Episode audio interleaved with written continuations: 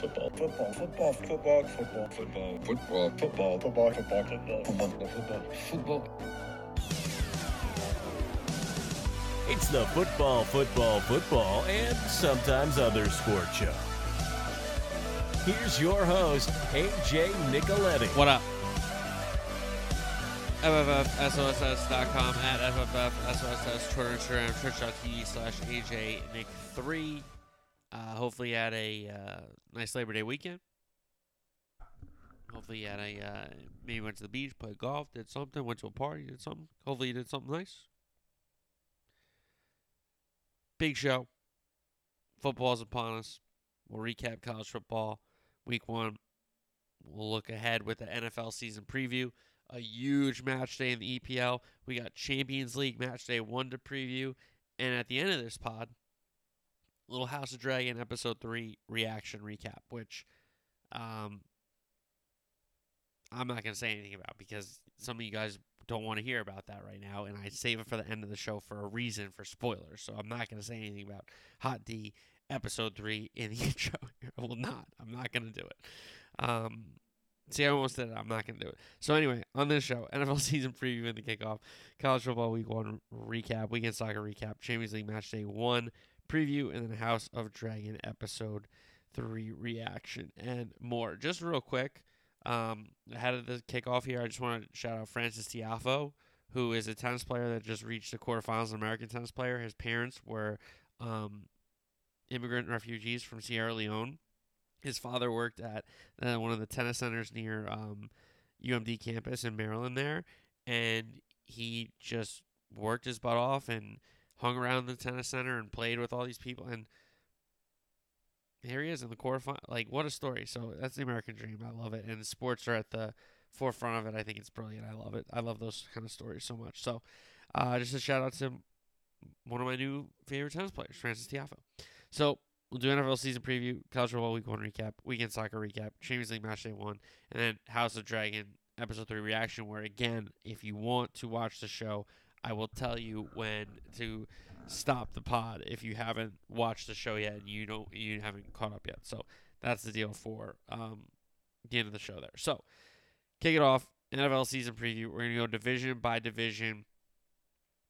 I'll tell you how I see them matching up uh, and finishing one through four in each division. Then I'll tell you the seven playoff teams in each conference. Then I'll give you what I think conference championship Sunday might look like, and then I'll give you my Super Bowl pick and that's how we'll do an NFL season preview. Okay, so we'll start with the NFC and the NFC East, and who I have winning the division are my Dallas Cowboys. And you can call me a homer, that's fine, but I think I am pretty realistic uh, with the Cowboys, and I think I am um, a true critic when they need to be criticized. So I think, like, yes, I am an optimistic fan. I, I, I do have, you know, when they go on the, a little bit of these runs, I'm like, hey, you know, maybe, but I also temper my expectations, which I'm not saying it's our year every year like some of these other clowns. That's just all I'll say. So anyway, it's um year three for Mike McCarthy. It's a big year for Mike McCarthy. They're coming off the 12 and 6 division win, but an embarrassing, pathetic playoff performance in that home loss to San Francisco. And right off the bat, the schedule makers didn't do them a ton of um, help. they didn't give them a ton of help at the start of the season with Tampa and Cincinnati, but they are both home games, so that's big. So if they split those, they're one on one after two weeks, not bad. Then you got to win two division games at New York and at home against the Commanders. Then you got to go to LA and go to Philly back to back weeks. Again, you take one of those, you're looking at a four and two start possibly um, through the first six games, and then Detroit, Chicago, and a bye. So I think realistically, if they split the two games between Tampa and Cincy and split Rams Philly, that's a really good start for the Cowboys. And then they'll, they'll probably beat Detroit, beat Chicago at home into the bye. Then at Green Bay, one of the tougher games at Minnesota, which is a tough place to play, but I don't think it's a bad, it's a good team. Cooper Rush went there and beat them. Um, Giants at home, Indian home, Houston at home. Again, another three game stretch that are three winnable games for the Cowboys. And then you go at Jacksonville, so stretch that to four or five, dating back to the Minnesota game.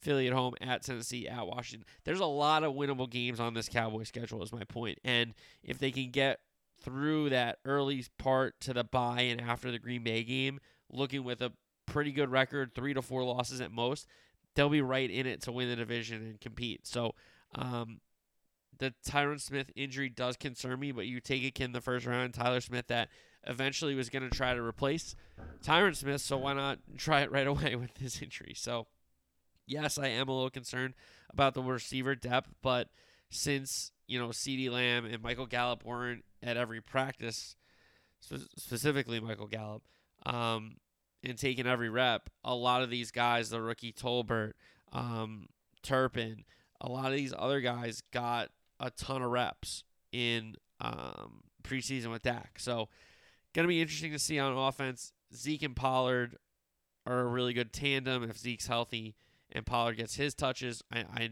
you guys know I love the tight end Schultz. And now the defense. I think the defense can be maybe um, the calling card of this team. Whether it get it continues to get the turnovers, it continues to make the plays, or it continues to not give up so many points. They only gave up 21 last year, which is a really, really big deal. And there were multiple times where they kept teams under 20 or even in the teens, you know? So um, I'll say this. I think the Cowboys, if they put it together, if offensively it works out with the receivers, if they can stay relatively healthy, besides the Tyron Smith injury, and obviously Parsons and Diggs can't get help, uh, hurt on defense. The safeties look good, the secondary is looking better, and you bring in a veteran Anthony Barr to pair alongside Parsons, and you can you trust that linebacking core a little more with an Anthony Barr veteran um, than you did maybe a Vander Esch or one of the young kids like Cox, who Cox is going to step up. Jabril Cox is going to have to have a big year. And then defensively, up front, yeah, you lose Gregory, but you bring in uh, the guy from Jacksonville, Fowler. You you they have players on the D line. You know, Gallimore and Odighizuwa are young, and they're going to be the starting D tackles most likely. And you're going to need to get some edge. And listen, Tank Lawrence and Parsons and Diggs have to lead this defense, but all the other guys have to chip in. So I think the Cowboys should win this division. I, I really do. And I think, yes, the Eagles, um, a lot of people are talking about the Eagles, and we'll get to them because I think they're finishing second in this division. Listen, the Eagles with Sirianni, year two, Hurts in a big spot. These are big years for these two guys. And I do think Jalen Hurts can be a quarterback at this level, but is he ready to take on everything that Philadelphia is needing him to take on. You know, yes, Sanders is a good back, but they have a lot of running back by committee um, games. AJ Brown coming in, huge expectations with him and Devonta Smith with Hurts. Um, they moved on from Ertz, we know that, and Goedert stepped up. So offensive line has to stay healthy for the Eagles, and defensively, they addressed a lot of their issues with the linebacking core, um, getting Nakobe Dean, uh, drafting Jordan Davis to play up front and D tackle on, on that team. They're a very strong team. They're a very talented team. Now let's see the Eagles put together. Um, I think they could get off to a, a possible 4 0 start with at Detroit, Minnesota home, at Washington, Jacksonville at home. Minnesota's probably the toughest game in there, but it's at home on a Monday night, and that place is going to be rocking. Then at Arizona, Dallas at home, by Pittsburgh. So they should win at least one of those games, probably the Pittsburgh game. At Houston, winnable. Washington home, winnable. At Indy, winnable. Green Bay at home, eh. Tennessee at home, winnable. At Giants, at Chicago, at Dallas, New Orleans at home, Giants. It's a, again, it's not the toughest schedule when you're playing the AFC South. To be fair, um, and the NFC North, where I think it's only one good team in the Packers. So Eagles could be a product of a weak schedule but I do think they will be in the hunt for the postseason, especially because there's three wildcard teams, as we know. So Eagles, I do think make the playoffs as a wildcard team. I do think they get in. Now, trying to figure out three and four in this division was a little tough. I just give Ron Rivera's Commanders the nod because I think he's a veteran coach, and Daboll is going to be doing a lot of these things for the first time with the G-men and Daniel Jones too.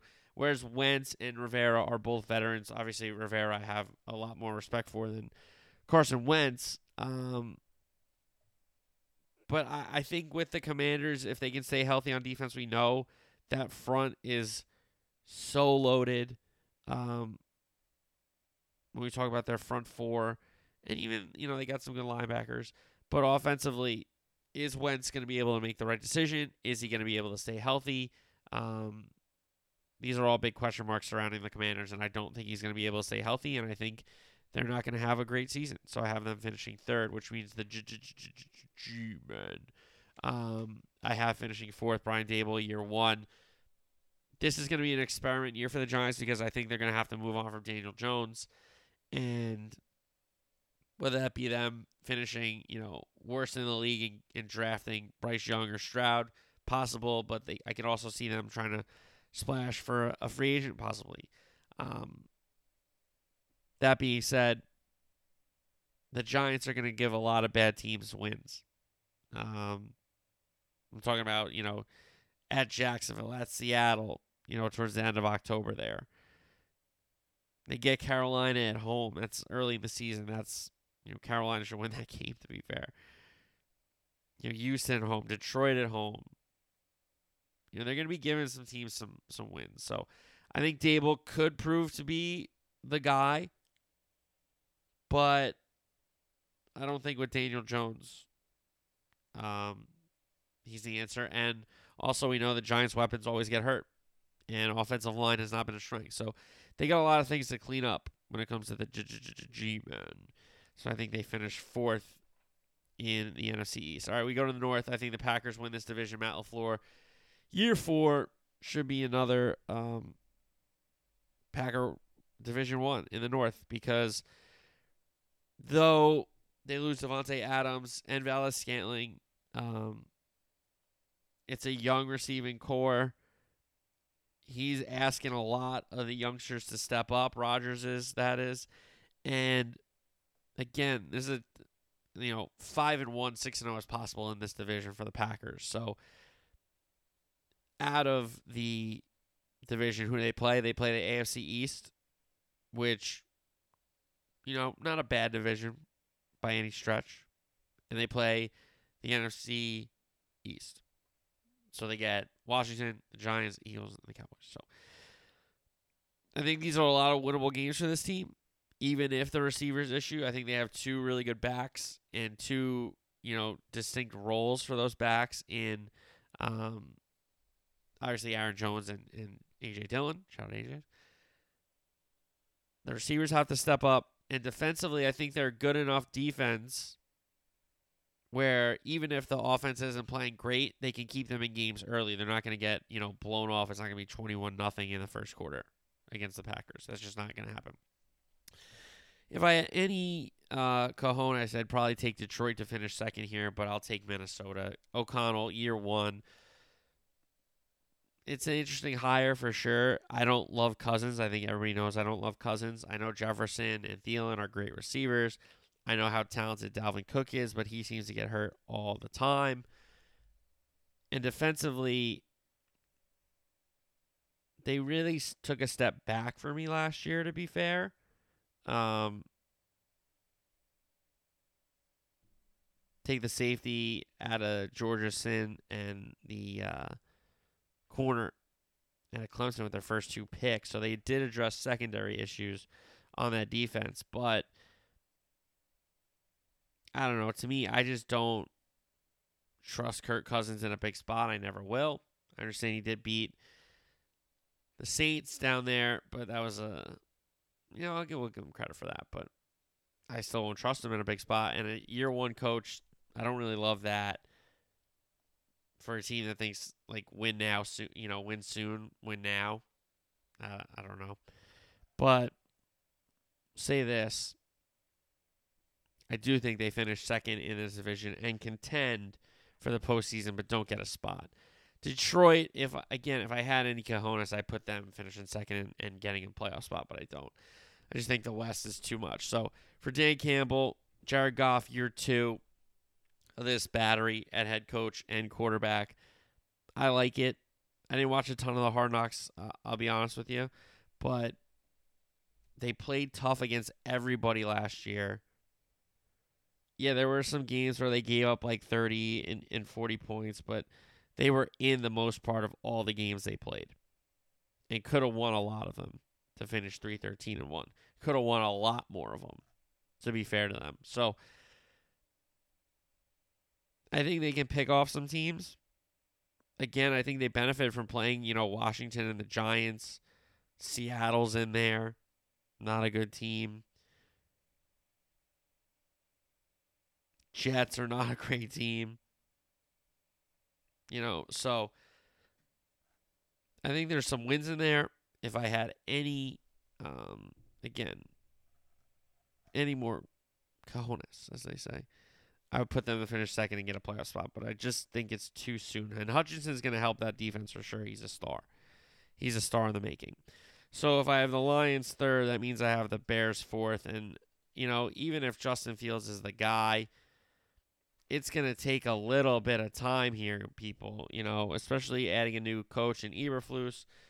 So now he gets a new system in year two. I think that's kind of a big deal. We know how good the defense can be historically, and really season to season. That's the only time they win games is when they give up no, no points. That being said, I do like that Fields has had a whole off season to you know I'm the starter kind of a thing. However,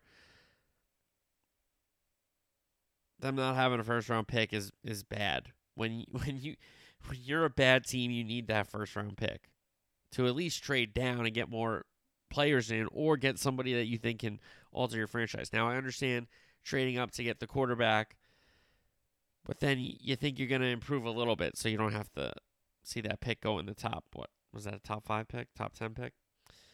So they start off San Francisco at home at Green Bay. Those are two losses. Houston at home could be a win, but you'd rather have Houston come up in the later uh, part of the year. At the Giants, at Minnesota, winnable games, I guess. Washington's a winnable game. Here they go. At New England, no. At Dallas, no. Miami at home, winnable in November if it's cold. Detroit at home, winnable. At Atlanta, winnable. At Jets, possible. But then Green Bay, Philly, Buffalo, at Detroit, Minnesota to finish. So two division games to finish that run there at the end of the season. And I think anything over five or six wins is a positive year for the Bears, to be fair. All right, let's go to the South. And I have Tom Brady's Bucs winning this division. I think this is another weak division. Um, and Tampa's going to possibly go 6 and 0 here. I know they haven't had great success against New Orleans recently, but this is a new New Orleans. It's not a Sean Payton. And speaking of a new New Orleans, this could be a new Tampa under Todd Bowles as Bruce Arians steps away to be a part of the front office. He steps away from the head coaching job. But it's still Brady's team. We know that. Lost some guys on defense, but replaced some. And offensively, you add Russell Gage and Julio Jones to kind of replace um, what you had with Antonio Brown. So one of those guys is going to step up. I think they that's what they're thinking is. And for me, Tampa plays a lot of winnable games. And they get the AFC North on the crossover. So they got to go to Pittsburgh, which is a certainly winnable game, and they go to Cleveland. I think that's before Watson's back. So let me just see that real quick because I think that's one. This a great producing, by the way. One, two, three, four, five, six, seven, eight, nine, ten. 11. He's not back for the Tampa game. So another winnable game. You know, that's in Cleveland in November. Um, at San Fran's a tough game late in the season. But they get LA at home. The Rams come in. So yeah, they play Dallas, they play Green Bay, they play Kansas City, they play the Rams, they play San Fran, but they also play Atlanta twice, Carolina twice, New Orleans twice, the Giants, Pittsburgh, Cleveland without Watson. They go to Seattle. That's Seattle's gonna stink this year. So I think Tampa has all the magic not only to capture another NFC South, but also possibly run away with it um, and be set up to be the one seed. So, second in the division, I see New Orleans finishing. Dennis Allen It's still a talented team. You know, if Jameis is healthy, Thomas and Olave are a really good one too. If that develops, Kamara's not going to be suspended this year. We know, So he'll be ready to go. Defensively, they lose a little bit, but they have a defensive head coach now. So how much will that change the identity of the team, all that kind of stuff? I don't think it's a playoff team. I think it's a team that obviously when you go to New Orleans, it's a tough place to play. Um, in the dome, we know that. tough place to get a win on the road. But that being said, I just don't know if I like Dennis Allen year one in a division with Tampa trying to compete. So I think they're better than Carolina, and I think they're better than Atlanta, but that puts you second in the division because you're not gonna you're not better than Tampa. Carolina, I do have finishing third here, and Matt Rhule's job could be in trouble if they don't finish third. You know, if they finish fourth, they're in a lot of trouble. Um, it's not been a good start to the Matt Rhule era, that's for sure. Now they went and got Sam Darnold, and now they went and got Baker Mayfield, and now Baker Mayfield's the starter. I think that'll help you out in some games. That's not going to help you out in a lot of games. And I think there's going to be games where you expect them to get blown out, they'll win it, and you expect them to blow somebody out, and they'll lose it. So I think Carolina is just going to be a, an up and down team.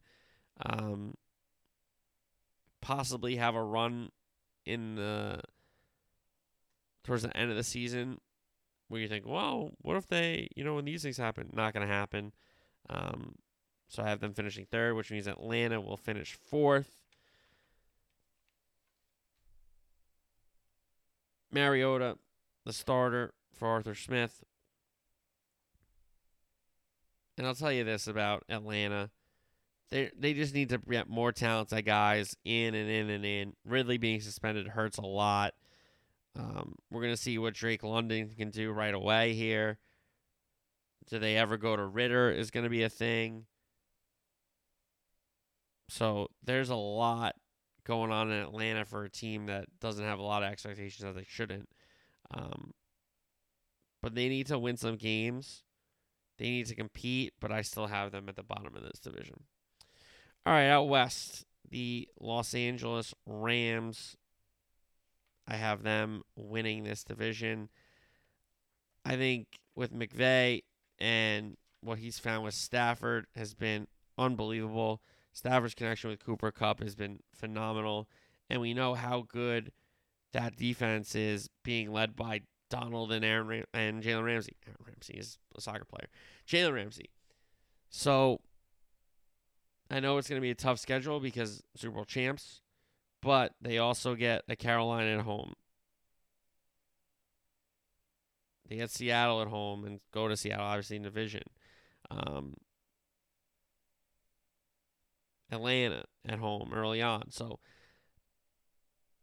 there's games that are certainly winnable. Yes, it's a tough schedule. You know, you get Buffalo. Obviously, San Francisco, you got to play twice. Cowboys are a division winner. Tampa's a division winner. Um, Kansas City, division winner. Green Bay, division winner. You know, and you also play your neighbor in the Chargers, who they're a heck of a team too. So, gonna be interesting to see if Beckham does come back. They bring in Allen Robinson, which I think is a good move. He finally gets like a good team around him and a quarterback, and, like legit coaching. So that's probably a great, great move for him. And he gets to go to LA. So that's almost like best case scenario. He's got to win another ring for him. Um, but I'll say this: I think this Rams team is loaded and absolutely competes for another one this year. Um, McVay's broken through. His offensive strategies worked. Um, defensively, they're really, really good. We know that. Gave up 21 points a game last year. You're going to win a lot of games if your defense only gives up 20, 21 points, especially with McVay's offense. So I got the Rams finishing first, and I have the Niners, Kyle Shanahan's Niners, finishing second with Trey Lance. And I think, yes, it is a young guy taking over an offense. They do have the Jimmy G insurance policy, but a running quarterback with Deebo, with all those running backs, with Kittle as a as a blocking X factor, with a really good offensive line, and with the genius of play design of Kyle Shanahan and give him credit for the game calling, he does call a pretty good game. That offense is going to look really, really different um, with Trey Lance. More read option, more quick throws, more um, dynamic run game because the quarterback is going to run the ball. Jimmy G doesn't run. He can run. Trey Lance can. Defensively, we know how strong they are. Bosa's a superstar. And though I want to think there's a little hangover with the Rams, and there could be, and I could be wrong here, I just think San Francisco with the new quarterback, there are going to be some growing pains as the year goes on. Not that they can't finish second, not that they couldn't even win the division, but there's going to be some growing pains, which I think are going to happen. And they could be 3 0 headed into the Rams game at home on a Monday night in early October. You know, so watch out for that. Then they can stack some more wins before they play Kansas City and the Rams again. They come out of their bye with the Chargers, neutral site Arizona, that's in Mexico, the Azteca. New Orleans at home, Miami at home, winnable games. Tampa comes in, big game. They go to Seattle, Washington at home, very winnable game. At Vegas, winnable game, in Arizona at home. So, again, a ton of winnable games for the Niners.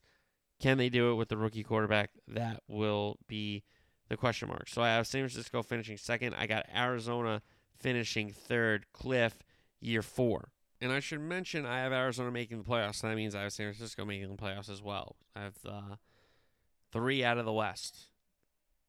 Same like it was last year. And I know Nuke Hopkins is suspended to start of the season, which is bad, but you bring in Kyler Murray's favorite target from Oklahoma, I guess besides Mark Andrews, was Hollywood Brown. So the deep ball is back with Murray to Hollywood, and it's going to be back, and it's going to be on. And I, I do expect it to be happening early on in the season, especially when Nuke Hopkins comes back, and you can't double Hollywood. You got to double Nuke. So, um, very interesting to see how this Cardinals offense looks again with Kyler, and then defensively with Watt and some of the other guys that they bring in. I'm going to be very curious to see how this defense responds to not having a bad season. Uh, gave up 22 a game. Did not only did not give up 40 once, by the way. So that's pretty good. Um, only gave up 30 plus five times the regular season, which is not bad. So, um, that defense was definitely pretty solid. They just lost a ton of games down the stretch. That bad loss to Detroit, uh, bad loss against Indy, beat the Cowboys, but then lost to Seattle. Now you can excuse the Green Bay loss. Minnesota at home, you shouldn't have lost that game, that's for sure. That was a late winner.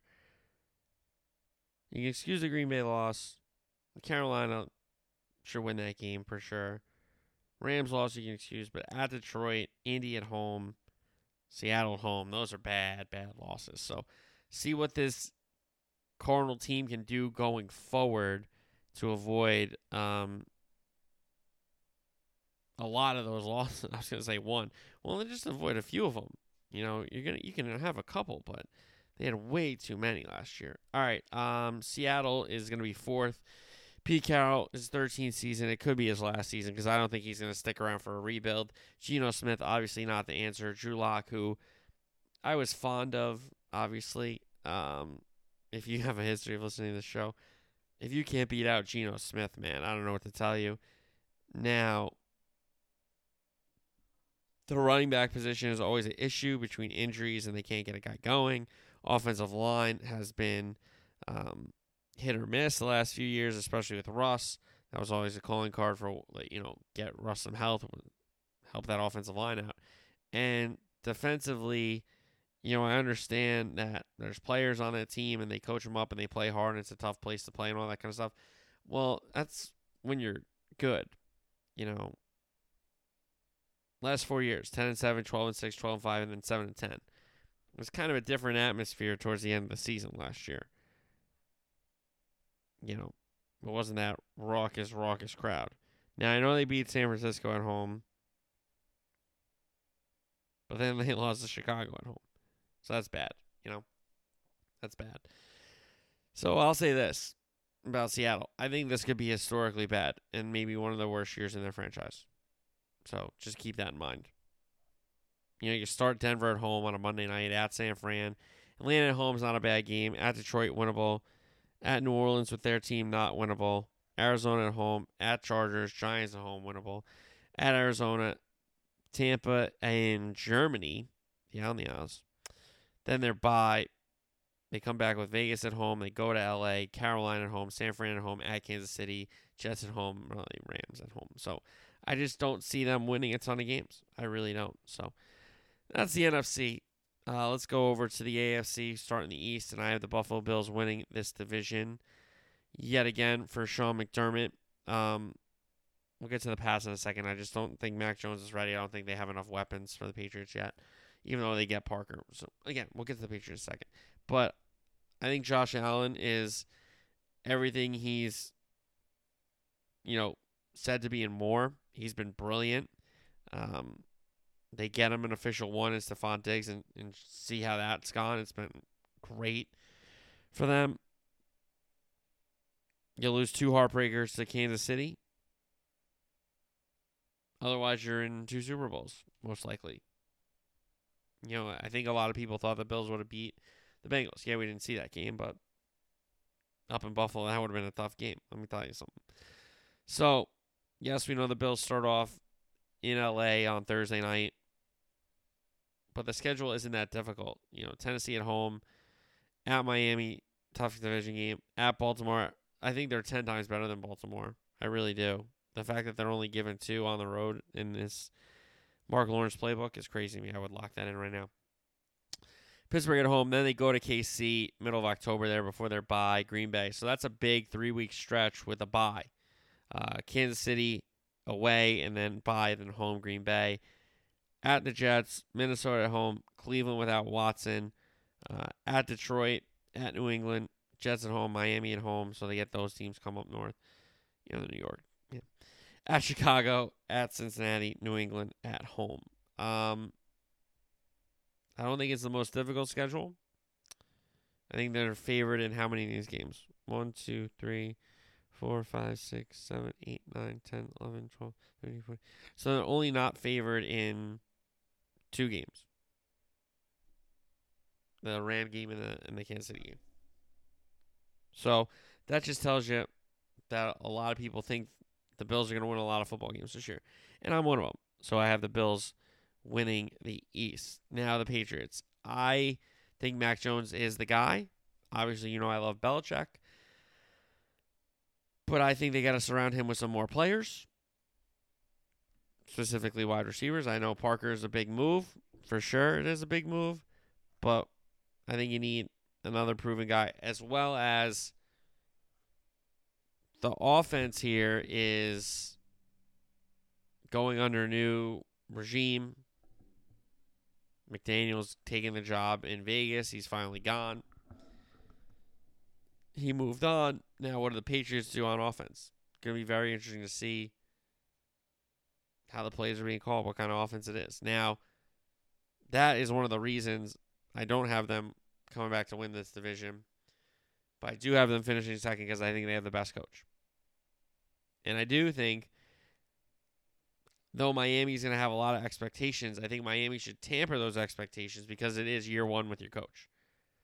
Now, I think Tua is the guy. I've said that I believe Tua is the guy. And if he stays healthy, it's going to be a big year for him, Tyreek Hill, and Waddle. However, again, first year coach, big expectations and they possibly can make the playoffs for sure. But I think it's a big ass out of a year one coach. I really do. To expect the playoffs, to expect all the success with the first year head coach with a young quarterback and a lot of a lot of expectations. I don't know. So I have the Dolphins finishing third. I know people are gonna get mad at me, but I really do like the coach. I really love the quarterback. I just think it's a tough situation. So, there we go. All right. Um, and then I have the Jets bringing it up the rear in uh, fourth. And it's not a knock on the Jets or Salah. It's just the God's honest truth because Wilson is going to be hurt to start the season. I think that takes away all the kind of momentum that you had going in, you know, believe in yourself, all this kind of stuff. Him being out really hurts. I know you bring in Wilson, you bring in Sauce. They trade back into the first round to get Johnson. They draft Breece Hall, so it's a lot of young, young, young talent in a big spot. And I think Salah's the guy, and I think Wilson's the guy, but not this year. Him, he needed a full training camp. He needed a full, you know, healthy situation going into this season. And I don't know. I just don't really like, the situation that the Jets are in to start this season. So, all right, that was the East. Let's go to the AFC North, and we will start with the defending AFC champions. I think Cincinnati wins this division. Zac Taylor was on the hot seat. It got cold as they went on of the in the season with those the big win at home against Kansas City was a huge huge win.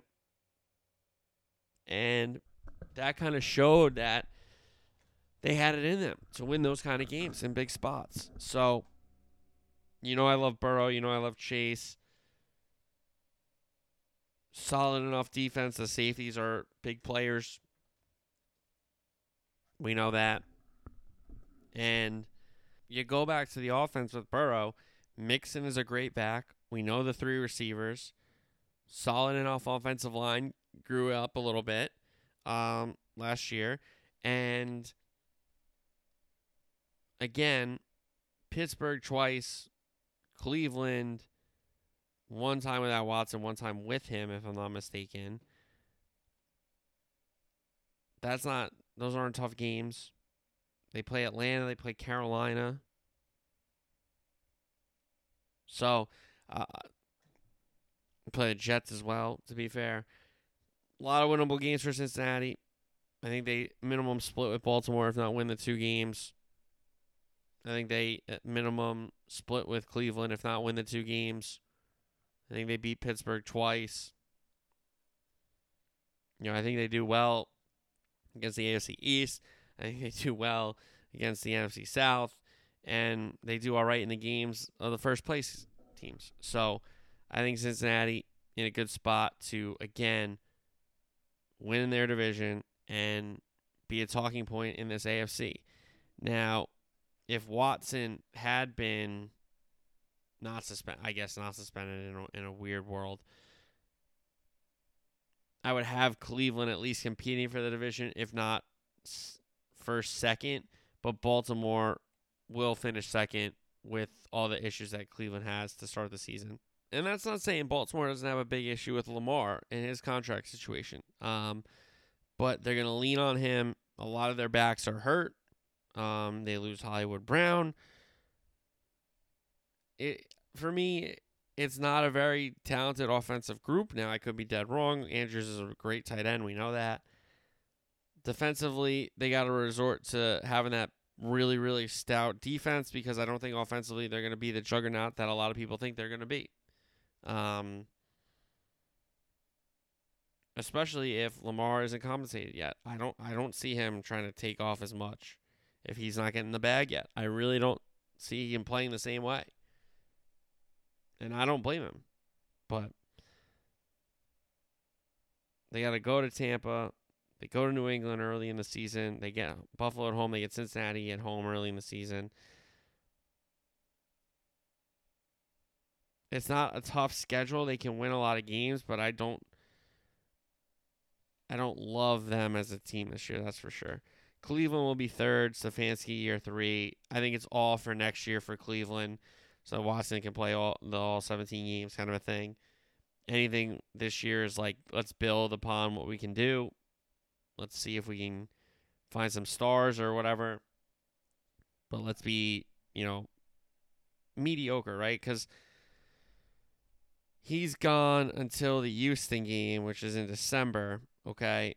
And the Chargers, the Pats, Ravens once, Cincinnati once, Buffalo, Tampa are all games without Watson. Now, when he comes back at Houston, at Cincinnati, Baltimore at home, New Orleans at home, at Washington, at Pittsburgh, the majority of those games are winnable for them. But where will they be when he comes back? That's the big question um, for Cleveland. And I think for Pittsburgh, with the Big Ben era ending and Mitch is going to be the starter, you know, I'm not trying to knock Mitch here. You know, and how about Mason Rudolph getting beat out again? Not shocked by that. But Pickett's going to be the guy sooner or later. The question is, is it this year or next? Um, and I don't think Tomlin's going to go anywhere because I think this is kind of, hey, it's my last job kind of a thing. I don't see him moving on to coach another place after he's been here, and has been his only head coaching job. It's year 16 for Mike Tomlin already, which is crazy. What a head coach. Um, but I think this is going to be a really, really down year for the Steelers, and I don't know how they're going to be able to cope with it. Yes, the defense is outstanding, and there are playmakers on offense, whether that be Najee, um, Diontae Johnson, Claypool, the kid Pickens has come in um, and, and impressed a lot of people for the Steelers.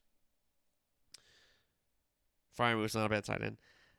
They have talent, but is Mitch going to be the guy? For me, I don't see it happening. So that's why I have Pittsburgh finishing last there. The South, I'm going to do something that I don't normally do, which is give Indianapolis the nod. I haven't been a Colts guy, um, specifically last year the most. Why? Because they had Carson Wentz. Now you got rid of Carson Wentz. Now we can have a conversation. Um, that being said, Frank Reich is sometimes way too aggressive for me. Uh, I'm not the biggest fan of his. However, they do win a lot of games. He's 38 and 30 as a head coach there, not bad. You know, including a 7 and 9 year. But other than that, he's been doing pretty good. Again, not in a tough division. You know, you play Houston and Jacksonville twice. And Tennessee is not the same Tennessee without some of those receivers. So you got to go to Denver, tough game. You got to go to New England, tough game. Go to Dallas. But other than that, your road trips are not that difficult. So I'll say this for the Colts. I think they're going to stockpile a lot of wins in that division. 6 and 0 is certainly possible. Um, and I think they win this division going away. Because I think Tennessee, though, I love Vrabel. You know, I love Vrabel. And Tannehill has shown you a little bit, you know, year in and year out to get better, to improve. You take away A.J. Brown, that's a big deal. Now, I know you replace him with Treylon Burks. Now he's going move on to Tennessee here in Vrabel. But that's a lot of pressure on the rookie, to be fair. You draft Malik Willis as well uh, to give Tannehill somebody to look at and behind him. And I just think it's kind of a transition year for Tennessee, knowing that their record isn't going to be the worst because they have two teams to pick on below them, most likely. Um, but I don't see them making the playoffs this season. I don't see them um, being the force that they've been recently with Vrabel. So Tennessee will finish second in the division. Uh, Jacksonville will finish third. I think just Pederson. Um, no offense to Lovie, but Pederson has shown that he can do it, that he can get it done in, in gigantic spots and um, win a Super Bowl. And credit Lovie. Lovie got his team there with the Bears, but they didn't get over the hump with Rex. But Jacksonville, big year for them to get better and develop. Maybe not a ton of wins. I could see a year like a Detroit Lion year last year where they don't win a ton of games, but if they're fighting for games, if they're competing in games, if they're not getting killed and blown out, I do think that's a step in the right direction. So I have Jacksonville finishing third in this division, and I have Houston finishing last because I just think Houston's roster, they just don't have a ton of talent, okay? They need to get more and more youth in there. I think they did a really good job in the draft, drafting a lot of winners, drafting a lot of good players.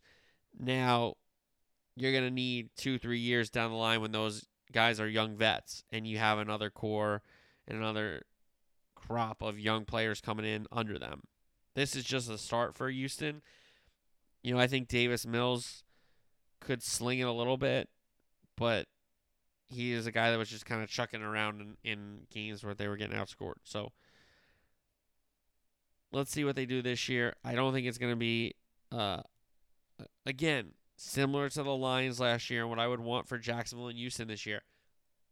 Show me that you're going to compete. Show me you're not going to quit. Even if you get beat, it is what it is. But keep having that resolve. Keep showing that you're going to compete week in and week out. And if you get five, six wins, that's a pretty good year for where expectations were. And if you get three wins and you compete, it is what it is. All right, so that's the South. Let's go to the West. I have Kansas City winning this division despite losing Tyreek Hill. Um, Valdes-Scantling or Juju's going to step up. They draft the kid Sky Moore. There are a lot of expectations on him. So it's going to be a different look, but you still have Kelce. Okay, you have Edwards-Helaire, but you have other running backs as well. And defensively, they played really, really well last year, that side of the ball. And, you know, after they started off not so hot with what the three and four start there, defensively they really showed up.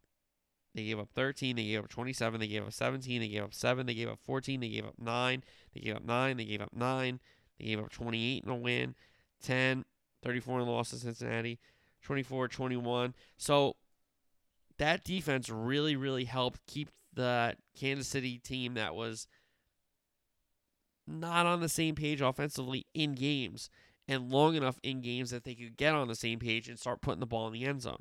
So Kansas City to me, um, yes, the toughest division in the league right now. I think both Wests are the best divisions. And I think this West is just a touch above the other West in the NFC. So, yeah, tough schedule. We know that. The crossover is the NFC West, but they get the AFC South. So I think they should be 4 0 against the South, at least 3 and 1, in my opinion. Um, and the crossover the NFC West is tough, but I think they should get it done there. Buffalo is always going to be a big game. We know that. Um, Uh, at Cincinnati is a big game. But I don't really see a ton. You know, obviously at Tampa, Buffalo, at Cincinnati. And besides the crossover games, I don't really see a ton going on there. So I I like Kansas City to do enough. And I I'll tell you I like them finishing, but I like the Charger team a lot too. And for me, they lost a ton of games last year that they shouldn't have lost. I think that was a lot of growing pains, not only with the head coach being a first year head coach, but a year two starter in Herbert. Now we see him take another leap. We know how good Allen and Mike Williams are. We know how good Ekeler is. Defensively, they're outstanding. They add Khalil Mack to that defensive line. So I'll tell you this I love this Charger team. And again, the cojones to put them first, I don't have, but I can see them winning the division. But I'll put them second behind Andy Reid's Chiefs. So give me Staley's Chargers in the two hole. Again, they get Cleveland early without Watson. Um, Rams late is a really tough game, and they finish at Denver. But there's some stretches where they can put together uh, some winning streaks. So I do expect the Chargers to have a really good season. Now, Denver, I have finishing third. Again, a team that I think a lot of people are putting way too much expectations on for a Nathaniel Hackett first year head coach and Russell Wilson coming over to a new division, it's a lot of expectations on the Broncos. And I know defensively, they're strong. And a lot of people were saying we're only a quarterback away. And now that they got a quarterback, they think that they're shoe ins for this division. and all these, you know, opportunities in the AFC, I would pump the brakes. And I know they could be 2 0 to start the season at Seattle, Houston home, but a San Francisco game could be an awakening for them. You know, they don't have the toughest schedule, but it does finish really tough. You know, San Fran early, at Chargers early. They play at Wembley. They come back from the bye. At Tennessee, winnable game for them. Vegas at home, winnable game for them. At Carolina, winnable game. At Baltimore, tough game. Kansas City home. Arizona home. At LA, Rams. At Kansas City, LA Chargers at home to finish. So that's a tough stretch to end the season. And we're going to see what that Denver team is made up. I could see them having some early success, middle to middle of the season success, and then getting to that stretch and losing a lot of games, and you know hanging on, maybe being a wild card team. Whereas a lot of people early on, middle of the season, are going to be talking highly of Denver, and now Vegas, who, again, is a good football team. I just have them finishing fourth. Josh McDaniels year one, job two. They bring in Davante. That's a big move. Carr has his guy. I think offensively they're going to be all right. Defensively, they're going to have to be bend not break. And they gave up way too many touchdowns last year. How many times did they give up 40? One, two. All right, only two. But they gave up high 20s into the 30s a lot. That's not going to get it done. You give up 26, 27 points a game. That's tough. Now, offensively, we know they're going to try to score a lot of points. This is going to be a team that tries to outscore you. So they're going to get a lot of shootouts, in my opinion. How many can they win is the question. And I just think they finished fourth in their division. So that's how I see it in the West. So playoff teams in the NFC Tampa, Green Bay, Los Angeles Rams, and the Cowboys, the Dallas Cowboys winning their divisions. I have San Francisco, Arizona, and Philly as the wild card teams. And then in the AFC, I have Buffalo, Kansas City, Cincinnati, and Indy winning their divisions. And I have the Chargers, the Broncos, and the Patriots coming out of the AFC and into the postseason. Conference championship games, I had the Bucs beating the Rams, and I have the Bills beating the Chargers. And then I got the Bill uh the Bucs beating the Bills in the Super Bowl. So that is the NFL preview for this season. And we will preview week one on Thursday's show. Football is back, baby. And let's get into some football with the college football. Week one recap. Top five showdown. Notre Dame and Ohio State at the Horseshoe. Ohio State wins at 21 10. Notre Dame should held, hold their heads up high. They were in a ball game where a lot of people didn't think they would be. They opened the game with a good drive, a couple big plays, and they ended with a field goal. Unfortunately, they could not punch it in. Ohio State gets a touchdown pass from CJ Stroud to give them a lead. Another good ND drive, but this one ends in a touchdown, so the Irish had a 10 7 lead. Stroud to Johnson touchdown pass gets the Buckeyes their lead back 14 10. Then they went on a 14 play, 95 yard drive that took off 7.06 off the clock. A Williams rushing touchdown sealed the deal for Ohio State. And again, tough first start for Buchner on the road. I thought he impressed in some areas, and in, in other areas, you're going to need to work on some things. The Ohio State defense was awesome in the second half. Uh, pitched a big shutout in those 30 minutes. And even though Notre Dame did a great job of moving the ball and getting yards, they didn't convert on third down enough. They didn't convert in the red area enough. And that's what doomed them. Whereas Ohio State early in the game looked not great on offense, put it together, put together some touchdown drives, and put some points on the board where they got some distance from Notre Dame in that second half. All right. Um, top 11 showdown with Oregon just being 11 and Georgia being 3. I was wrong about this game. I told you Notre Dame had a chance to stay in the game, and so did Oregon, but Notre Dame did it, and Oregon didn't. Georgia wins 49 to 3. Oregon moved the ball their first drive, but they had to punt. Georgia goes right down the field, makes it 7 0.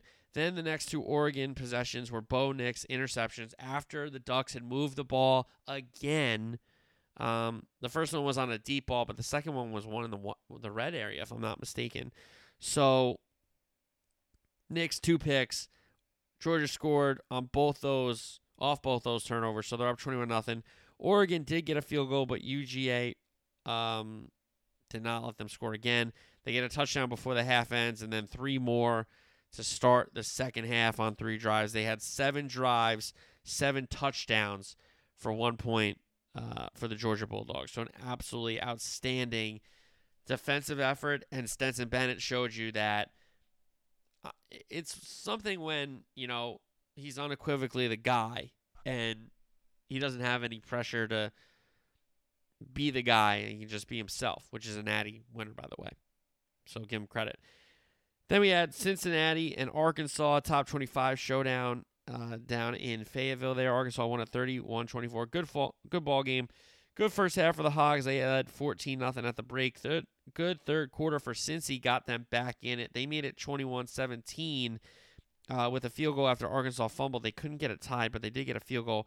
Arkansas then got a field goal to make it 24 17. Cincinnati then fumbled quickly into their drive. Arkansas turned that into a touchdown to make it 31 17. Cincy got a touchdown to make it a one score game, but Arkansas then ran out the clock. They did a great job of running the clock out for Sam Pittman and his Razorbacks. So Arkansas gets a big victory out of conference top 25 showdown to start the season. All right, rest of the top 25 Bama, Utah State. Bama 55 nothing. Bryce Young, five touchdowns. Defense pitches a shutout for the Crimson Tide. Monday night wrapped up our college football Labor Day opening week one, and it was Clemson and Georgia Tech down in Atlanta.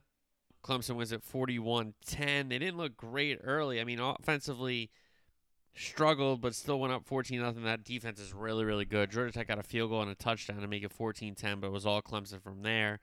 Uh, field goal, a DJU touchdown, a field goal, a Shipley touchdown, and then Klubnik came in and threw a touchdown pass to Taylor. So the freshman comes in, the five star phenom comes in in quote unquote garbage time, but leads Clemson down the field for a touchdown. And um, wasn't impressive really with DJU in that in that first unit. However, defensively they're really, really, really good again. A&M and Sam Houston State in College Station had a couple of delays. I think one long delay. A&M won it 31 nothing. That delay didn't stop the Aggies. Utah and Florida. This was a really good game in the swamp. Florida ends up winning it 29 uh, 26. Anthony Richardson was brilliant for Florida. Cam Rising was pretty good until a pick in the end zone to end the game for the Utes. They were driving, um, could have tied it with a field goal, but he threw an interception instead. Cam Rising did. Colorado State and Michigan in the big house. Michigan wins at 51 7. McNamara looked good in his start, with Harbaugh going to hand it over to J.J. McCarthy for next week. Uh, their game. UTEP and number nine, Oklahoma. Oklahoma wins at 45 13. The transfer, UCF transfer, Dillon Gabriel, the lefty, looked pretty good. Sooner defense under Brent Venables looked pretty good as well. Baylor and Albany. Baylor wins at 69 10. Baylor's blowout. Uh, the Danes. Central Michigan, Oklahoma State. Oklahoma State wins at 58 44. The Gundy boys were in cruise control. It got a little closer late, but they still won by double digits. NC State, UC, ECU, that was a more of a scare for sure. NC State wins at 21 20. Wolfpack survive after ECU misses the game tying extra point. Rice and USC, first game for Lincoln Riley and the Trojans, 66 14. They win it. Caleb Williams had two touchdowns. Trojan defense very strong second half. Western Michigan, Michigan State. Michigan State wins at 35 13. Payton Thorne, four touchdowns in the win. Miami hosted Bethune Cookman, and the U won at 70 to 13. Seven total rushing touchdowns for the U. Van Dyke had two passing touchdowns. Backyard brawl Thursday night. What a fun game this was. Pitt ends up beating West Virginia 38 31 in a great, great contest. Went down to the wire big review on a fourth down. Um, could have gave West Virginia first and goal at the one to try to tie it, but it was overturned and Pitt wins the game. Illinois State and Wisconsin. Wisconsin wins it and shuts them out 38 nothing. Mertz was accurate with one TD. Allen, the kid is outstanding. The running back, 14 carries for 148, two touchdowns, including a 96 yard touchdown. Miami of Ohio took on Kentucky. Kentucky won at 37-13. Will Levis three touchdowns. Troy and Ole Miss. Ole Miss wins at 28-10. Calm win for Lane Kiffin's crew. Wake blows out VMI 44-10. Griffis had three touchdowns in the win. Houston needed three overtimes to beat UTSA 37-35, a thriller down there in Texas. And then number 25 BYU beats USF 50 to 21. Hall had two touchdowns. Some other games of note Iowa plays the most Iowa game ever. They won 7 3, but it wasn't a traditional 7 with a touchdown, folks. Two safeties and a field goal for the Hawkeyes, 7 for Kirk Ferentz. Penn State beats Purdue. Pretty good game there in uh, Lafayette. Florida State wins against LSU in a battle who can give the game away last on Sunday night. Uh, LSU with multiple punts muffed. The last one should have cost them the game. Florida State running the clock out, but they fumble. LSU goes all the way down the other end to score on the last play of the game. Extra point needed to tie to go to overtime, and it gets blocked. So, an horrendous special teams night for LSU. Florida State with a big win. And how about the rut? Give a shout out to Greg Schiano's Rutgers Scarlet Knights in a comeback win in Chestnut Hill against Boston College. Rutgers was down 21 15, I believe, and they went 12 plays, 96 yards, all on the ground to take the lead in that one. All right, from college football to footy, weekend soccer recap. We got to finish with match day five on Thursday, which Manchester United went to the KP. They won at Leicester 1 0, a Jadon Sancho goal. So United won three in a row to that point, which set up an awesome game on Sunday, which we'll get to at the end of this EPL wrap up. Everton and Liverpool Merseyside Derby kicked us off on Saturday, match day six. Conor Coady had a goal, but he was ruled off sides correctly. Liverpool struck all the posts. Alisson made some saves, but Pickford was brilliant at the other end for Everton. It could have been 3 0 easily, uh, but Pickford was great. So Liverpool and Everton split the points at Goodison. Brentford and Leeds. Brentford win at 5 2. Toney a PK. Toney a free kick. Colasso for a second. Sinisterra, a great individual goal uh, for Leeds to bring them back into the game. Toney got his hat trick when Meslier came out too far, and Toney chipped everybody. It was a brilliant, uh, calm finish for his hat trick. Jesse Marsch then got sent off for what he thought should have been a penalty um, for his side. Roca brought one back for Leeds to make it 3 2, but then Mbeumo and Wissa add the fourth and fifth for Brentford. Chelsea West Ham, VAR were abysmal this uh, match day. So we'll go uh, more along as um, we'll go with more incidents as we get the recap along. Sorry. Chelsea win at 2 1. Antonio stabbed home the opener after a goalmouth scramble from a set piece. Declan Rice kind of headed it down towards him, and Antonio got his foot there first. Chilwell, a really great ball over the top towards him. He wins his own header and dinks it under um, Fabianski. So it was 1 1. Then Kai Havertz, assisted by Chilwell, to give Chelsea a lead. Then we had an equalizer. Cornet scores, but VAR calls off the goal. Mendy not fouled. It's a contact sport, and he laid on the ground and he milked the call. Credit to him for getting the call. But VAR calls off the equalizer. West Ham fuming, but Chelsea take the three points. Another goal is draw. Newcastle Crystal Palace, but this one had a goal again called off. Joe Willock had a goal at the back post called off. Um, so the points split there, nil nil. I thought that was going to be a more exciting game. Forest and Bournemouth. Forest had a great start, but Bournemouth had a gr- better finish. Kouyate off a set piece. Johnson from the spot gave the Trees a 2 0 lead, but a Billing golasso. Dominic Solanke um, bicycle kick equalizer, and then a great, great play by Solanke to win a ball, feed the substitute Anthony, and give Bournemouth the lead 3 2 and the three points. So a brutal, brutal loss for Forest at this at their own grounds. Tottenham Fulham finished 2 1 Tottenham. Højbjerg got another goal for Spurs. Kane became the third most scoring and I think first um, on the all time list for goals with one club with that goal. Mitrovic brought one back for Fulham, but they could not find an equalizer. Wolves, Southampton. Wolves went at 1 0. Wolves needed a goal. They needed a win. Daniel Podence provided the goal for uh, Bruno Lage's men. Villa Man City, great game at Villa Park. Villa needed a result, and they were going up against the champion City. It was a tough ass. City could have been up 2 0, 3 0 by the end of the first half. They get the breakthrough. Kevin De Bruyne floated ball, brilliant ball to the back post. Haaland jumps so high to get it. He taps it in. But then it was Ramsey, great play, great cutback, great first time finish by Leon Bailey to equalize. And Villa almost got a winner and might have gotten a winner had the linesman kept his flag down. They ruled Philippe Coutinho to be offside. He was not. Some players stopped playing. Coutinho still shot it, went bar down. I don't think Ederson was saving it even if he didn't stop playing.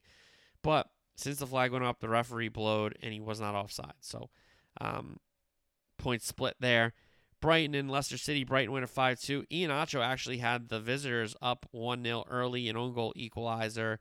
Leveled the side. Caicedo gave the hosts a 2 1 lead, but Daka made it 2 2 just before the half ended. Great ball over the top by Tielemans to Daka. Then after the break, Trossard scores. Mac Allister a PK, and then a Mac Allister f- free kick golazo for his brace. So Brighton win again. Then we had Arsenal Man U, game of the weekend. Um, set to be with Man U winning three in a row to that point. Arsenal had won five from five, but it was Man U winning at um, Old Trafford. A, a gigantic game for them, um, and one that new debutant Antony comes on and scores. Varane and Lisandro are playing well in the back end. McTominay's playing pretty well in the middle of the park next to Eriksen. Bruno's come back and flourished. Sancho is all of a sudden alive. Rashford has a brace in this game, but it was an Arsenal goal that got called back uh, for a foul by VAR. I didn't think much of it, but Man U got the opener through Antony. All 11 players touched the ball in the build-up for Antony's goal. Saka got an equalizer in the second half to bring Arsenal level, but then Rashford played through brilliantly by Bruno Fernandes for the first one, and then a great square across from Christian Eriksen on the second one gave Man U the lead 2 1 and the insurance 3 1. So a big week in the Prem. La Liga Real Madrid, Real Betis, Real Madrid win it 2 1. Vinicius and Rodrigo, the goal scorers for Real Madrid. Real Sociedad and Atletico draw 1 1. Morata put Atletico up 1 1, 1 0, but they could not see the result out. Sevilla, Barcelona. Barcelona win at 3 0. Raphinha, Lewandowski, and Eric Garcia, the center back, scoring for Barcelona. Serie A, Fiorentina, and Juventus. That one finished 1 1. Milik had the goal for Juventus, 2 and 2 for the new signing. Milan Derby. AC Milan win it 3 2. Brozovic gave Inter a 1 0 lead. Leao equalized. Giroud gave AC Milan a 2 1 lead. Leao gave them a 3 1 lead. Dzeko brought one back for Inter but that was not enough. So it's 3 2 AC Milan in the first derby of the year. Napoli beat Lazio 2 1, and Udinese beat Jose Mourinho's Roma 4 0. Bundesliga action Dortmund Hoffenheim.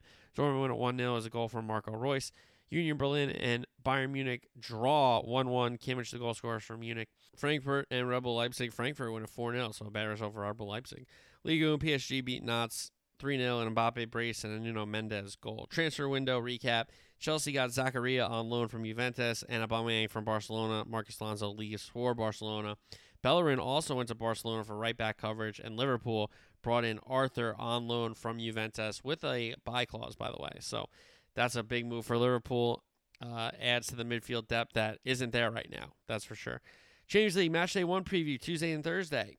And we're going to have a lot of Champions League because they're squeezing these games in because they lost a couple match days with the World Cup. So, all right. Group E, Zagreb and Chelsea, Salzburg and AC Milan. For me, Chelsea have to go get a result, as do Milan. Um, opening up away from home, start of the Champions League is tough, but I don't think it's either side's toughest fixture. I think it's each other's. You know, obviously when Milan go to Chelsea, when Chelsea go to Milan, that's the toughest fixture for this group. Um, but both those sides go get results. Celtic hosts champions Real Madrid wow, what a what a night it'll be at Celtic Park. Um, and Leb, Red Bull Leipzig hosts Shakhtar Donetsk. So Leipzig has to answer their poor domestic match with a win over the Ukrainian side. Real Madrid go to Celtic. Solly Park's going to be rocking, but Madrid should get the best of them there. Sevilla, Man City, and Dortmund, Copenhagen. Sevilla are going to be tough. They're going to try to rile Haaland up. They're going to try to get him sent off. And even if they get sent off, it's okay because they're probably not going to win the game anyway. But they're going to try to unrest him, and we'll see what happens in that kind of match. So, um, and we get Dortmund Copenhagen, where Dortmund go win a game. You know, go score like three or four goals, keep a clean sheet, go win a game. PSG and Juve, Benfica and uh, Maccabi in Group H. PSG Juve is going to be a really, really special game, uh, especially the return leg at the Allianz in Turin. Um, I think it's great for Juventus to get this campaign started with their hardest game, try to get a result, and just build from there. Whereas PSG, this is their hardest home game of the campaign. That's for sure. So I think that's a really big contest. I'm looking forward to that one. Group A on Wednesday action, Ajax and Rangers. That's a big uh, three points available for Ajax at the Cruyff. And then Napoli, Liverpool. So Liverpool have to play their hardest away fixture first. And you can look at it a couple ways. Get it out of the way or, you know, you don't want it right away. But if there's a time for Napoli to play Liverpool, they'd want them to play now. I don't think Napoli's in the best form. You know, replacing Koulibaly, replacing um, Fabian Ruiz, Insigne, a lot of those guys. So, though Liverpool are missing a lot in their midfield, I do think they'll be able to cope with Napoli. Brugge and Leverkusen, and Atletico Porto. This group's up for grabs. Certainly, seconds up for grabs if you think Atletico just marches on. Interesting games here will show kind of the pace of what this group wants to play at. Group of Death, Group C, Inter, Bayern, Barca, and Plzen, Plzen from the Czech Republic. Inter get an opportunity to play their toughest home match right off the bat. If they get a result, they get a little momentum. If they don't, they say, "Hey, that's our toughest game at home. Let's let's move on from it." Barca have to get three points. Um, when you play Plzen in this group, home and away, you have to get three points. You you have to at least get six points to be in the mix to have an opportunity to steal points off the other team, whether that if you're Inter it's Bayern and Barca, whether it's your Bayern and it's Inter Barca, whether it's Barca and it's Inter Bayern. You have to do well against Plzen and get those points before you can think about the other points. Frankfurt Sporting, Tottenham, Marseille. Another group kind of up for grabs. I do think Tottenham are the favorite, but Marseille have shown that they have some quality. Frankfurt, being Europa champs, have quality, and Sporting, Portuguese uh, giant, if you will. So I think this is going to be a big match day one in the Champions League, set the tone for a lot of sides. And hey, without Ronaldo, maybe Messi just tries to score league goals in Champions League again. We'll see. We'll see. Okay. Now, if you got to this point of the program and you're not watching House of Dragon, or you are watching it and you're not caught up, if you're watching, if you're not watching it and you're gonna watch it, listen. Any of these situations, if you're not watching it, you're gonna watch it. If you haven't watched this episode yet, or if you're not caught up at all, whatever. Now's the time to shut off the pot. We're gonna talk about House of Dragon episode three. So, spoilers, spoilers, spoilers, spoilers, spoilers, spoilers, spoilers, spoilers. Okay. That being said, House of Dragon episode 3 reaction recap. I missed this in the recap last week, but there's just a dragon flying around with no rider. So that's just let's just leave that there. Anyway, fast forward 3 years in King Viserys' reign from last episode. We begin with Daemon and the Velaryons versus the Crab Feeder and the Stepstones. And it seems like it's a lot of guerrilla warfare with the Crab Feeders guys going back into caves and not just coming out and getting burned by dragon fire.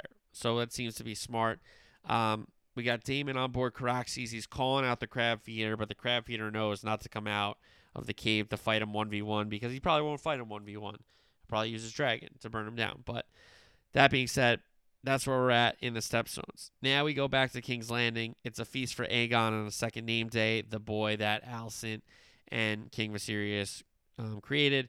And now, not only Alicent gave the king a son, she's pregnant again already, um, just three years from our last episode. So, Otto here is talking to his brother, Lord Hightower, really about how this is the feast, this is the opportunity for Viserys to name Aegon his heir, and and supplant um, Rhaenyra as princess and heir to the throne. So this feast is going on.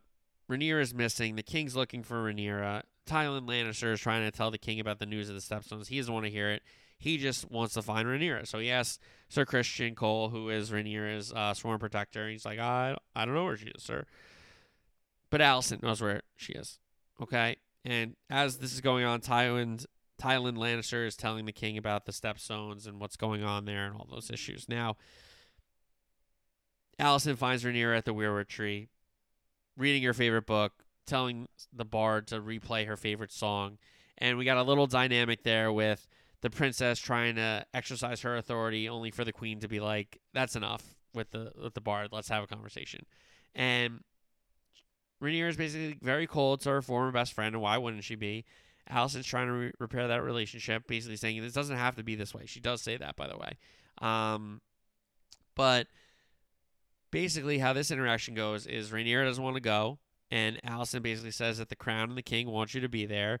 And oh well, if the king wants me to be there, I have to be there, so I will go. So that's kind of she she's you know doesn't want to do it. She has to do it. So anyway, they're gonna go on this hunt for his second name day, Aegon. So basically, the king, you know, takes court, the whole court to the Kingswood for the hunt, and they set up camp and they do fe- feasts out there and all these things. So Rhaenyra walking around, you know, she walks into the Queen Alicent's crew there. She hears some gossip talking about um, the Black Swan, who's a really cool character if you're any familiar with the books or any of these uh, YouTube channels or stuff like that. And also that the war, the crown's at war. Even though the crown isn't really at war, the crown's at war. And she kind of really doesn't want to hear that. Alicent does say some very nice things about how Rhaenyra is like the realm's delight and all this kind of stuff. So, um, Rhaenyra takes a walk. She gets wooed by Jason Lannister, who is Tywin's twin brother, and it doesn't really go well for Jason. Um, he asks if she's been to Casterly Rock. She says yes. It didn't impress her. He's trying to say that it's taller than uh, the wall and all these other things, and she's like, "No, it's not. Like, chill." So she shuts it down. She's like, "We're not. I'm not getting married to you, dude. Chill out." Um, and then Rhaenyra immediately searches out her father, the king, and they kind of get in a shouting match in front of all these people uh, about you know her having to follow the traditions and marry someone and do all this stuff, and she doesn't want to hear it, and I don't blame her for not wanting to hear it, because um, she does feel like she got passed over. So this gets interrupted by uh, Otto saying that there's a sighting of a white stag at the Kingswood, you know, in the Kingswood. So that kind of breaks up that conversation. Rhaenyra goes outside, takes a look at her horse, and she's like, "I'm out of here," which means Sir Criston Cole has to follow her because he is again her sworn protector. So he has some, ends up catching up with her. They have a funny conversation about. He's like, "Should I kill Jason Lannister first? So he breaks a smile there, so that was cool. And he basically told her that you know her naming him in the Kingsguard gave him everything he ever wanted. So that was a really nice scene, and it shows that their relationship has grown. So that's cool. Now, um, so she runs away. The hunt has begun. The scouts are out with the hounds, and Jason Lannister, at as this feast is going on before the hunt like actually goes on with the king, he comes up to the king, gives this king a spear made from the gold of the Lannister gold room and all this stuff, and he talks to the king about the princess and the heir thing, and really Viserys doesn't want to hear it, and he gets a little snippy with him, and he says, you know, thanks. You know, is there a rebellion going on by the way? Because if there is, we're gonna have to squash that. You swore fealty to me and all this kind of stuff. So makes the Jason guy a little uncomfortable, which is hilarious. So then Otto comes up. So Jason has already said he wants a shot at Rhaenyra. Otto comes up and Otto talking to the king about, you know, how maybe Aegon could marry Rhaenyra, the two year old. That they're celebrating his birthday with this hunt. Otto Hightower suggests that he marries Rhaenyra. And he's also he wants his grandson to be the heir. So he's basically saying, hey, if they get married and you named her the queen, he's the king anyway. So it works out. And Viserys like, he's too. Chill out, dude. And he says he knows it's not my wish to commander. I want her to be happy. Talking about Rhaenyra. So he's a ki- he's he's a good man, but he makes a bad king because he tries to make everybody happy, and it's not going to work that way.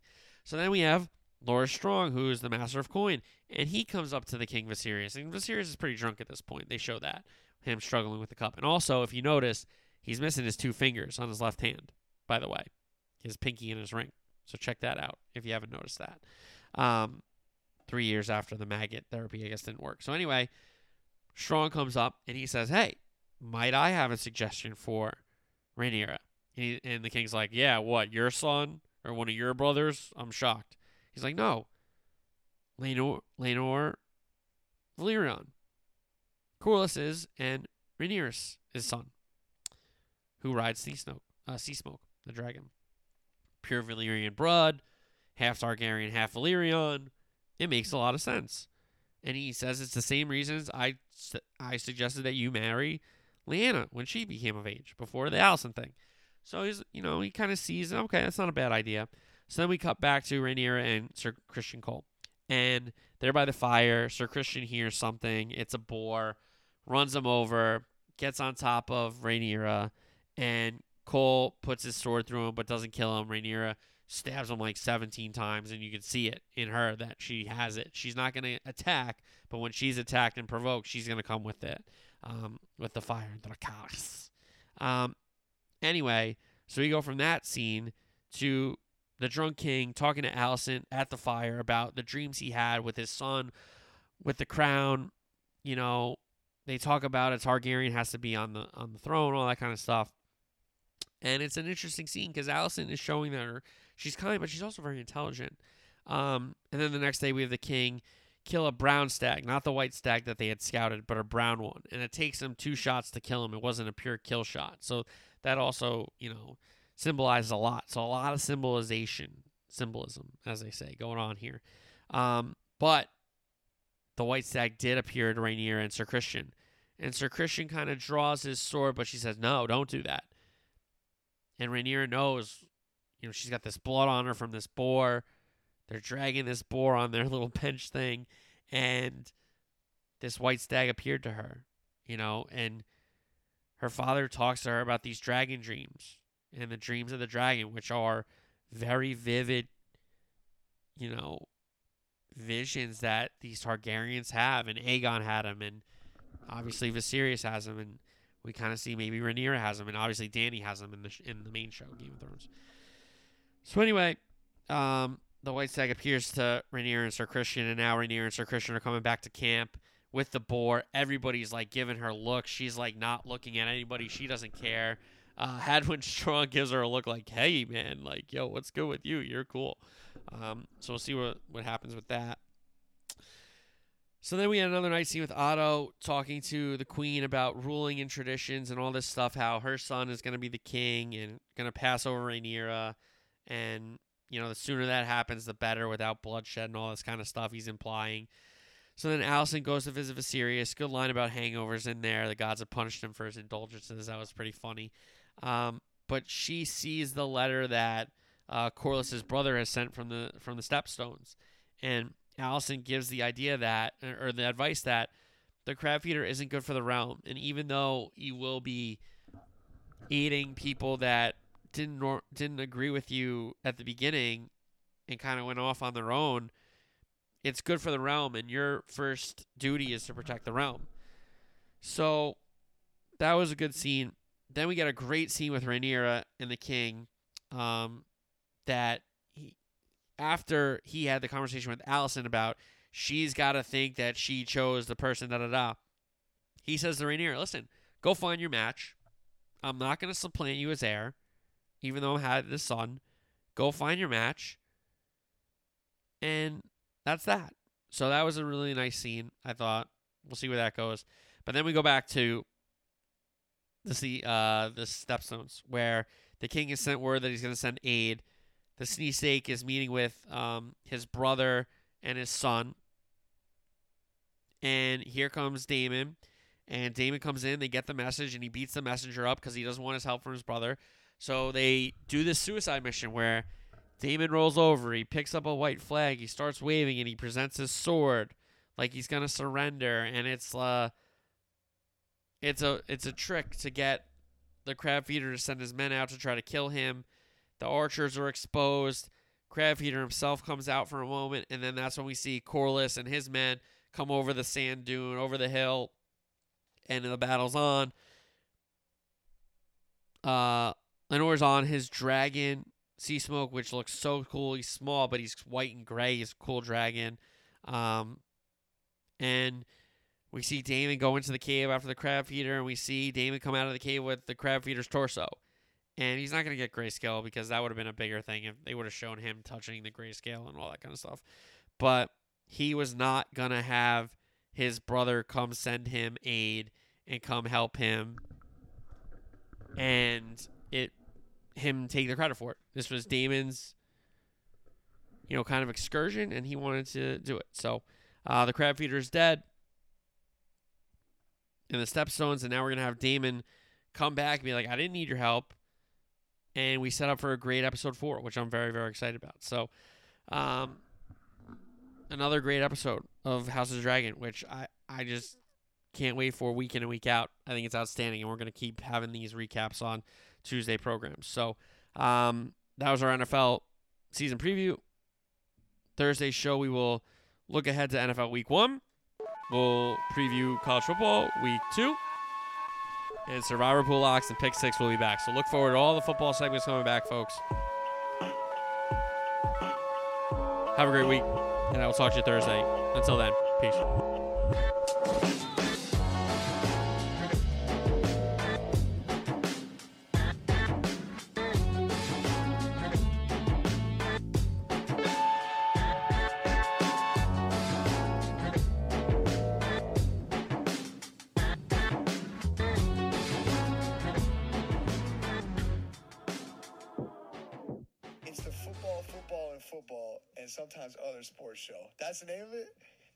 Check out his podcast. That sounds like my kind of podcast. Football, football, football, and sometimes other sports show. Sounds like me.